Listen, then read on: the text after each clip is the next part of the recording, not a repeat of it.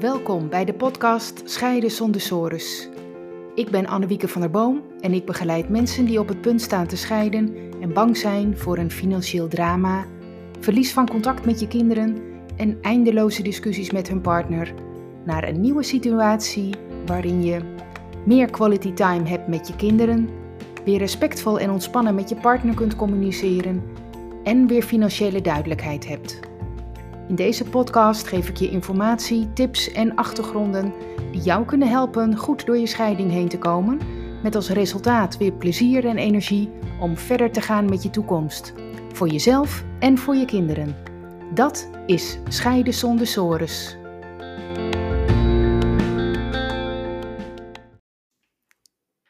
Deze aflevering gaat over het gevaar van een snelle scheiding. De grootste fout van mensen die goed willen scheiden, is dat ze het zo snel mogelijk willen doen. Ja, ik begrijp dat ook wel, want je bent waarschijnlijk iemand die ook snel zelf beslissingen kan nemen over kwesties. dat, dat doe je in je werk, dat doe je in je bedrijf. Je kunt heel snel alle voor's en tegens en de verschillende alternatieven tegen elkaar afwegen en uh, op een rijtje zetten. En daarna neem je gewoon een beslissing. En eh, zo ben je. Dat, dat, dat vind je heel gewoon. Dat is je dagelijkse werk en je dagelijkse bezigheid. Je kunt je ook zakelijk opstellen. Dus ja, waarom zou je een scheiding dan ook niet zo regelen? Je kunt je tijd en geld wel aan iets leukers uitgeven. Dus snel regelen en dan is het klaar. Het is dan ook verleidelijk om te kiezen voor bijvoorbeeld een online scheiding. Je zoekt wat informatie van internet en je gaat aan de gang. Je vult een paar templates in en een advocatenkantoor in Amsterdam handelt het af. Dat gaat schriftelijk, je hoeft nergens naartoe en de kosten zijn ook uh, gering. Ja, en waarschijnlijk zie je er ook tegenop uh, om met je partner over geldkwesties te moeten overleggen. Want je merkt dat de communicatie moeilijker loopt nu je weet dat jullie uit elkaar gaan. Uh, je merkt gewoon dat er emoties spelen je voelt je boos, je voelt je verdrietig, je voelt je eenzaam of alle drie. Dat merk je bij jezelf, je merkt het ook bij je partner. En ja, in de praktijk zie je dat, dat als je ergens over begint met je partner, er snel irritaties komen. Van jouw kant of van de ander. Je hebt ook minder geduld. Eerder was dat niet zo. Dus je weet eigenlijk diep in je hart wel dat het een risico is dat als je over geldzaken toch met elkaar moet overleggen, dat het wel eens hoog op kan lopen. En er kan ruzie ontstaan en dat wil je niet. Dat wil je gewoon voorkomen. Uh, je bent niet iemand die ruzies maakt en daar wil je ook boven staan. Ja, en het is natuurlijk ook confronterend, want je moet veel beslissingen nemen over grote kwesties, over wonen, over geld, over je kinderen. En ja, mensen zitten nou eenmaal zo in elkaar dat je bij iets vervelends, dat je dat wilt vermijden. Um, een vervelende situatie, daar wil je van wegblijven. Dus heel begrijpelijk allemaal. Maar is het zo dat mensen die snel zijn gescheiden daarna tevreden zijn over de afloop? Nee. Ik heb dat in de praktijk namelijk vaak zien gebeuren. Uh, mensen waren dan een paar maanden geleden, of soms ook een paar jaar geleden, uh, gescheiden via een online scheiding. En dan kwamen ze bij mij want uh, ze hadden nog een vraag. Ja, dan bleek bijvoorbeeld dat een scheidend stel de woning niet had laten taxeren, omdat ze dat niet nodig vonden. Ze vonden dat ook te veel werk, was gewoon niet nodig. Maar ja, nu bleek dat als ze dat wel hadden gedaan, degene die de woning had verlaten, tienduizenden euro's meer had kunnen krijgen. Ja, dat was wel een naar bericht. En het bleek dat het nu niet meer te herzien was. De afspraken waren immers getekend en daarmee waren ze ook echt definitief. Of een meneer die tijdens het huwelijk met geld uit een erfenis, die hij van zijn uh, ouders had gekregen, uh, een deel van de hypotheek had afbetaald. Ja, dat komt natuurlijk ook veel voor. En uh, daar hadden ze bij de scheiding eigenlijk helemaal niet aan gedacht. Uh, ze hadden daar gewoon helemaal niet bij stilgestaan. Ze wisten ook niet dat dat uh, misschien belangrijk kon zijn, dat je daar, daar, daarnaar moest kijken. Pas toen, toen hij een jaar, een jaar later naar de notaris ging om het testament te laten aanpassen, bleek dat hij daardoor een bedrag van 30.000 euro was misgelopen. Ook dat bleek niet te herstellen. Ja, en dan hoor ik vaak van mensen dat ze zeggen: ja, maar goed, het is toch zo als je afspraken hebt gemaakt dat als er iets aangepast moet worden of er is een nieuwe situatie, dan kun je toch gewoon nieuwe afspraken maken? Ja, dat kan ook wel, maar dan is het um, het lastige dat je het er samen wel over eens moet zijn. Maar bij zo'n situatie ben je dat niet. Want een jaar na een scheiding zal de ander jou echt niet zomaar ineens weer 30.000 euro gaan betalen.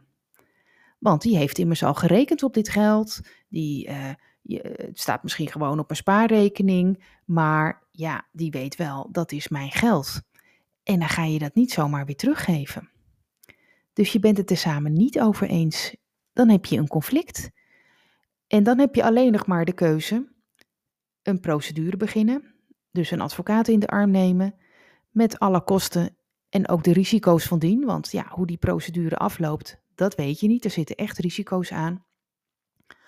Plus is het gevolg dan natuurlijk ook dat je relatie als, als, als ouders, hè, niet meer als partners, maar als ouders van je kinderen, dat die wordt verstoord. Want als je tegen elkaar gaat procederen, ja, heeft dat gewoon veel impact op jezelf, maar ook op de relatie met, met je kinderen. Dat kan niet anders.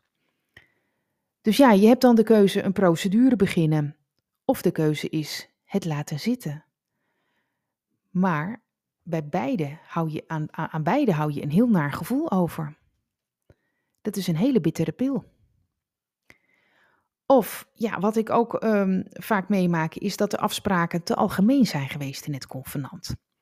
Ook uh, gewoon goed bedoeld, zitten geen foute bedoelingen achter. Maar bijvoorbeeld, um, mevrouw wilde graag in de gezamenlijke woning blijven wonen, maar ze kon de hypotheek nog niet overnemen.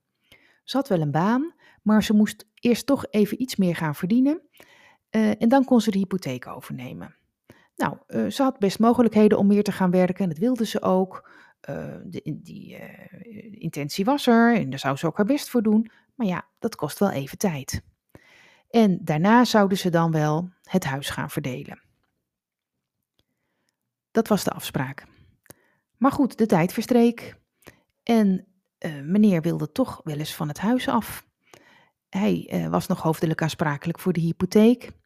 Uh, en dat betekent dat hij voor zichzelf geen nieuw huis kon kopen. Maar ja, wilde hij eigenlijk wel. En toen bleek dat ze geen concrete termijn hadden uh, afgesproken voor de periode waarin mevrouw de gelegenheid zou krijgen om, om meer te gaan werken en om de hypotheek rond te krijgen. En ze hadden ook geen afspraak gemaakt over hoe en per welke datum de waarde van de woning bepaald moest worden. Ja, en dat waren twee hele lastige issues. Ze moesten dus nog een eh, flinke zure appel doorbijten. En dat was niet makkelijk, want alle pijnpunten van de scheiding kwamen weer boven. En het was intussen drie jaar later.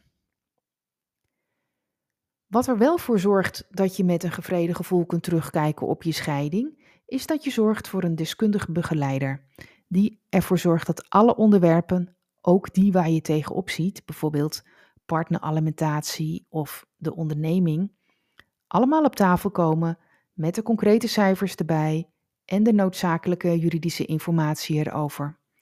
Dan heb je een goede basis om van daaruit samen afspraken te maken. En je kunt emotionele discussies voorkomen door uh, die afspraken te maken met hulp van een uh, mediator. Doe je dat niet, dan kijk je naderhand terug op je scheiding met een ontevreden gevoel. Je hebt spijt dat je het zo hebt gedaan. Had je daar maar meer tijd en zorg aan besteed en had je maar meer informatie gehad. Nu kun je het niet meer terugdraaien. En je kijkt ook met een rotgevoel naar je ex-partner, want je bent te gemakkelijk geweest bij je scheiding. En je hebt te veel betaald of te weinig gekregen. En nu zit je met de naweeën. Welke keuze maak jij? Kies je voor de manier om zo snel mogelijk alles te regelen met alle risico's van dien? Of kies je ervoor om eerst de goede juridische informatie te verkrijgen en van daaruit met goede begeleiding afspraken te maken en alles te regelen? ook de moeilijke onderwerpen aanpakken, zodat je straks met een echt tevreden en voldaan gevoel kunt terugkijken op je scheiding. En je weer de energie terug hebt voor een fijn contact met je kinderen, voor je werk en voor je bedrijf en voor een fijn leven voor jezelf. Wil jij weten hoe jij je scheiding kunt doorkomen waarbij je alles wel goed regelt, zodat je er inderdaad met een tevreden en voldaan gevoel op kunt terugkijken? Nou, dan ehm, kun je mijn video bekijken. Daar vind je echt nog een keer heel uh, uitgebreid uitgelegd um, hoe, hoe, je, hoe je dat kunt doen. Die video heet Het geheim van scheiden zonder sores. En je kunt die vinden op mijn website annewiekebemiddeld.nl